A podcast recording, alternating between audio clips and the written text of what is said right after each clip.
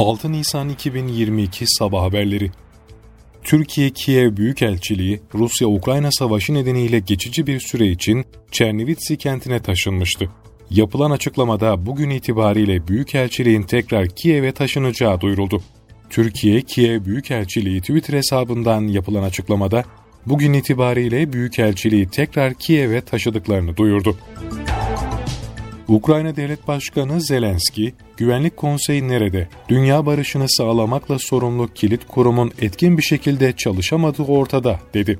Ukrayna Devlet Başkanı Volodymyr Zelenski, Birleşmiş Milletler Güvenlik Konseyi'ne hitabında, Ukrayna'da 2. Dünya Savaşı'ndan beri en kötü suçların işlendiğini belirterek, Rusya'nın Buça ve Ukrayna'nın diğer kentlerinde işlediği suçlardan sorumlu tutulması çağrısı yaptı.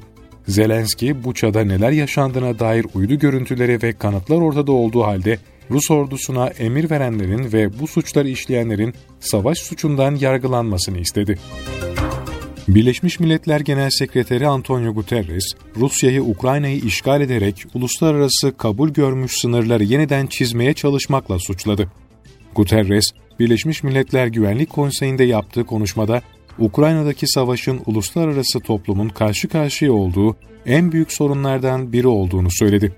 Uluslararası barış ve güvenliğin sağlanmasından sorumlu Birleşmiş Milletler Güvenlik Konseyi'nin sadece Ukrayna'da değil, dünyanın diğer yerlerindeki krizleri önleyememesinden esef duyduğunu belirten Guterres, konseye savaşa son vermesi çağrısında bulundu.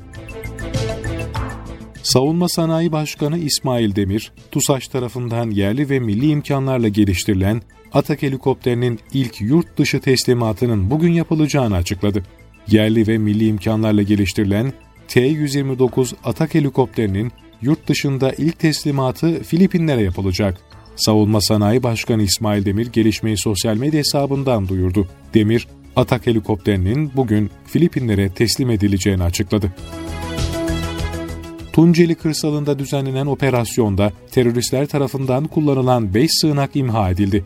İl Jandarma Komutanı ekipleri Eren Kış 23, Şehit Jandarma Subay Üstçavuş, Celil Mutlu operasyonu kapsamında il kırsalında operasyon düzenledi. Ormanlık alanda arama tarama faaliyeti yürüten ekipler, teröristler tarafından kullanıldığı belirlenen 5 sığınak tespit etti. Sığınaklar, güvenlik güçleri tarafından imha edildi. Türkiye'de 12.213 kişinin COVID-19 testi pozitif çıktı. 37 kişi hayatını kaybetti. Sağlık Bakanlığı'nın paylaştığı günlük koronavirüs tablosuna göre dün 232.135 COVID-19 testi yapıldı. 12.213 kişinin testi pozitif çıktı. 37 kişi hayatını kaybetti. İyileşenlerin sayısı 13.568 oldu.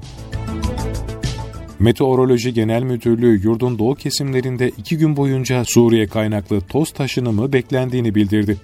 Güney ve güneybatı yönlerden esecek kuvvetli rüzgar ve fırtına ile birlikte yarın akşam saatlerinden sonra etkisini arttırması beklenen toz taşınımının Batman, Siirt, Şırnak, Hakkari, Bitlis ve Van çevrelerinde yer yer kuvvetli olacağı tahmin ediliyor.